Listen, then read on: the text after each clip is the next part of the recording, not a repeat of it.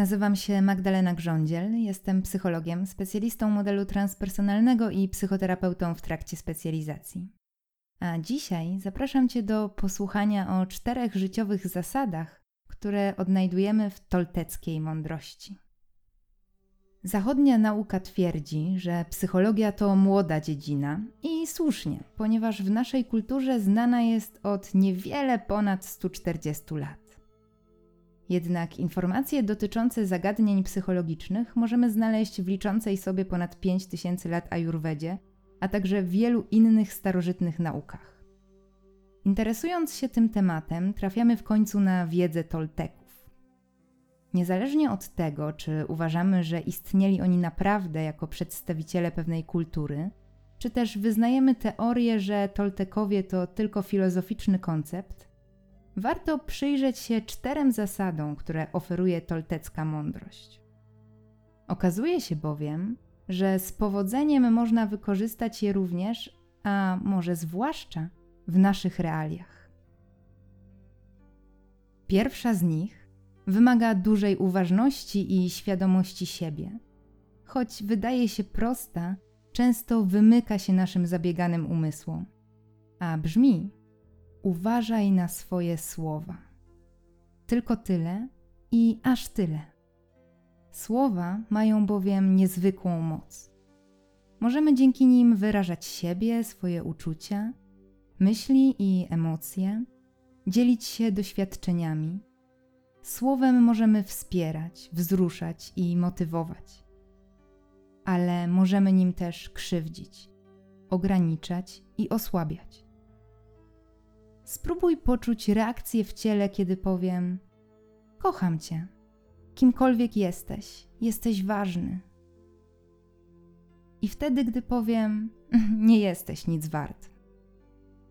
Choć się nie znamy, a ja wypowiedziałam tylko krótkie zdania, prawdopodobnie mogłeś poczuć, że twoje ciało i wnętrze zareagowały na moje słowa. Zwróć uwagę, jak często zwracasz się do siebie, używając dokładnie tych samych słów, które słyszałeś z ust swoich rodziców lub opiekunów.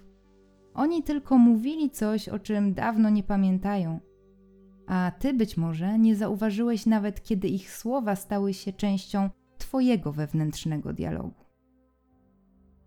Jeśli to zaobserwujesz, zwróć uwagę, czy kierujesz te słowa również do innych. Wiesz już, że mogą się w nich zakorzenić i stać się także częścią ich wewnętrznego dialogu. Słowa, których używamy, wpływają na nasze przekonania o nas i otaczającym nas świecie. W jednym z eksperymentów dotyczących tego tematu pokazano badanym uczestnikom nagranie wypadku samochodowego, w którym doszło do zderzenia dwóch samochodów. Jedną z grup poproszono o oszacowanie prędkości, z jaką jechał samochód, gdy doszło do kontaktu z drugim pojazdem. Drugą grupę zapytano, z jaką ich zdaniem prędkością jechał samochód, gdy uderzył w drugi pojazd. Osoby z grupy pierwszej szacowały prędkość samochodu na 32 km na godzinę. Osoby z grupy drugiej na 40 km na godzinę.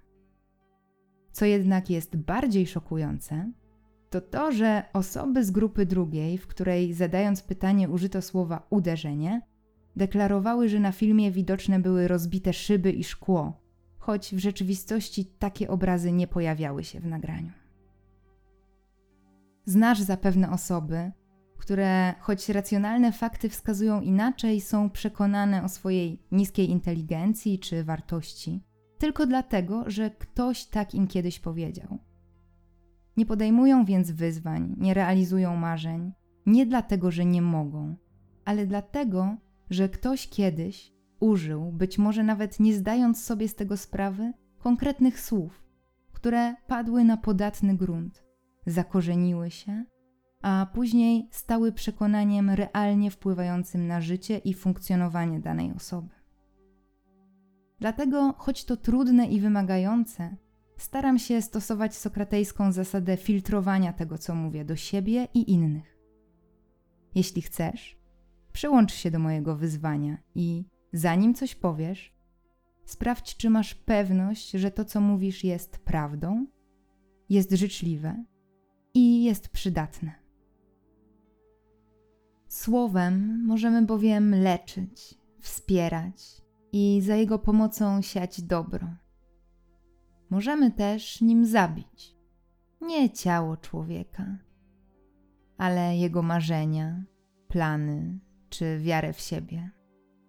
Uważaj więc na swoje słowa i szanuj je. Mają ogromną moc. Druga zasada, którą odnajdujemy w tolteckiej mądrości, brzmi równie prosto jak pierwsza i również wcale nie jest taka prosta, jak się wydaje. Nie bierz niczego do siebie, bo zwyczajnie rzadko chodzi o ciebie. Ale jak to? Już oburza się ego, które uważa, że wszystko jest przecież o nim i w nie wycelowane. Ktoś odezwał się do ciebie nieprzyjaźnie, a twoje ego już snuje wywody i rozmyślania o tym, jak on mógł tak się zachować, tak mnie potraktować, co też on o mnie myśli, i tak dalej, i tak dalej. Jedna krótka rozmowa. Kilka sekund i zakończenie spotkania. Rozmówca idzie dalej, sprawa zamknięta. Ale z tobą to wydarzenie zostaje na dłużej. Rozważasz, czy jest obrażony, a może cię nie lubi, a on być może po prostu miał trudny dzień. I tak, być może nie powinien być dla ciebie niemiły. Jednak nie chodziło o ciebie, prawda? Czy w takim razie warto poświęcać czas i energię na zbędną analizę? Kiedy ktoś cię obraża czy próbuje umniejszyć twoją wartość, również nie chodzi o ciebie. To ten ktoś z jakichś powodów tego potrzebuje. Często jest to niezbyt zdrowy sposób na podniesienie poczucia własnej wartości. Jednak wciąż chodzi o niego, nie o ciebie.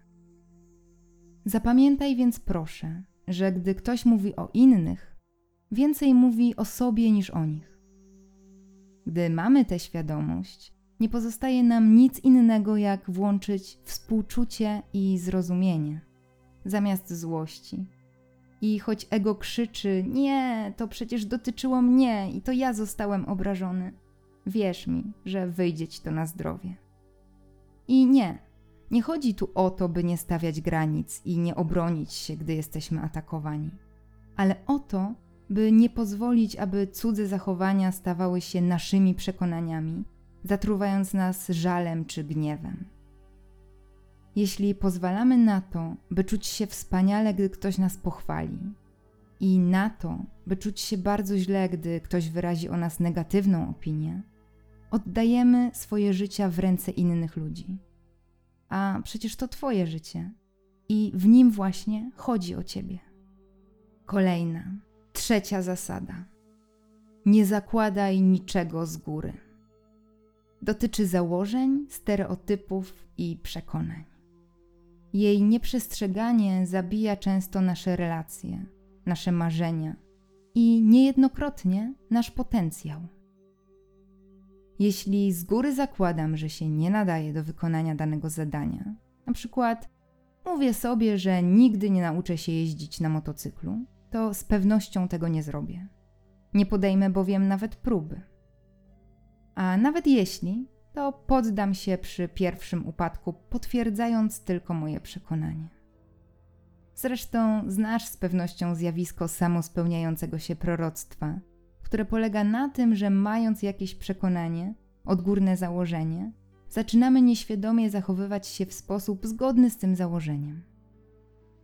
To, co często pojawia się w naszych relacjach, to założenie, że nasi partnerzy mogą, a nawet powinni, domyślić się, czego potrzebujemy i o czym myślimy. Później niestety mierzymy się z rozczarowaniem, ponieważ nasi partnerzy, o ile akurat nie są wróżką czy jasnowidzem, zwyczajnie nie mogą wiedzieć o co nam chodzi, dopóki im o tym nie powiemy. Działa to też w drugą stronę. Jeśli chcesz mieć pewność, co dana osoba myśli o tobie, twoich działaniach, czy jakie ma potrzeby, nie tylko nie masz obowiązku, ale nawet realnych możliwości, by to wiedzieć. Zapytaj więc. I choć czasami to trudne, możemy przecież usłyszeć coś, czego wcale nie chcemy usłyszeć. To ostatecznie ułatwia życie i funkcjonowanie w relacjach. Miej więc odwagę pytać, kiedy chcesz zrozumieć, prosić o pomoc, kiedy jej potrzebujesz, szczerze odmawiać lub zgadzać i daj innym to samo prawo, a unikniesz wielu rozczarowań i nieporozumień. Ostatnia zasada to koszmar perfekcjonistów. Podobnie jak zasada 70% wiodze. Brzmi ona: rób wszystko najlepiej, jak potrafisz. Nie więcej i nie mniej niż możesz. Chodzi więc nie o to, by zrobić wszystko idealnie, perfekcyjnie. Chodzi o to, by dać z siebie tyle, ile na dany moment możesz, angażując się w to, co robisz. Czasami jest tak, że możesz dać z siebie 100% i to jest w porządku. Czasami możesz dać z siebie 70%, a innym razem 30% i to też jest w porządku. Znam osoby, które medytują wiele godzin dziennie, a w ich życiu nic się nie zmienia. Koncentrują się bowiem na tym, by zrobić to idealnie. Znam też takie, które medytują kilka minut dziennie, a zmiana, jakiej doświadczają, jest widoczna gołym okiem. Chodzi więc o to, by każdą czynność wykonywać najlepiej, jak potrafimy. Chodzi o uważność i koncentrację. O bycie w tej konkretnej sytuacji, która właśnie się wydarza. W tym konkretnym przedsięwzięciu, które jest naszym udziałem, dając z siebie tyle, ile możemy. Ale nie więcej niż możemy. Jeśli będziesz starał się nadmiernie, niewątpliwie przypłacisz to zdrowiem psychicznym czy fizycznym. Jeśli praktykujesz jogę lub znasz kogoś takiego, z pewnością wiesz, że wykonywanie asan zbyt mocno będzie skutkowało urazem mięśnia czy ścięgna, a to z kolei oddali cię od osiągnięcia Twojego celu. Jeśli z kolei będziesz starał się za mało, podchodząc do zadania czy czegokolwiek innego z ignorancją, narazisz się na frustrację i spadek motywacji czy samokrytykę. Rzecz w tym, by nie starać się ani nadmiernie, ani zbyt mało, ale na tyle, na ile w tym momencie potrafię. Z zasadą tą łączy się także uważność na samego siebie. Bo skąd, jeśli nie od siebie, mogę wiedzieć, czy i ile mogę danego dnia? Dlatego tak ważna jest uważność na własne myśli, odczucia, na ciało i umysł. Ważna jest także życzliwość dla siebie. Nie zawsze wszystko wychodzi mi tak, jakbym chciała. Jednak jeśli wiem, że zawsze staram się najlepiej, jak potrafię, mogę więcej sobie wybaczać, bardziej się wspierać i motywować, szukać rozwiązań zamiast wpadać w wyrzuty sumienia. Jeśli popełniam błąd, pozwalam sobie na to. Jednocześnie jednak, najlepiej jak potrafię, staram się wyciągnąć z niego wnioski i czegoś się nauczyć, a potem, najlepiej jak potrafię, staram się wykorzystać to doświadczenie. Jeśli więc uznasz, że chcesz wprowadzić w życie powyższe zasady, zrób to z uważnością i życzliwością dla samego siebie. Z akceptacją tego, że nie zawsze się uda, ale zrób to najlepiej jak potrafisz. Widzisz zapewne, że żadna z tych zasad nie może funkcjonować bez pozostałych. Wprowadzenie ich w życie może nie być najłatwiejszą rzeczą, jaką zrobisz w życiu. Jednak wiem, że warto. Dla własnego komfortu. Skorzystasz na tym ty i całe twoje otoczenie. Jest piękne ajurwedyjskie powiedzenie, które przypomina, dlaczego warto włożyć siłę i energię w tę pracę, mimo że nie jest łatwa. Brzmi ono: rób to, co łatwe, a twoje życie będzie trudne. Rób to, co trudne, a twoje życie będzie łatwe. Dobrego dnia i do usłyszenia.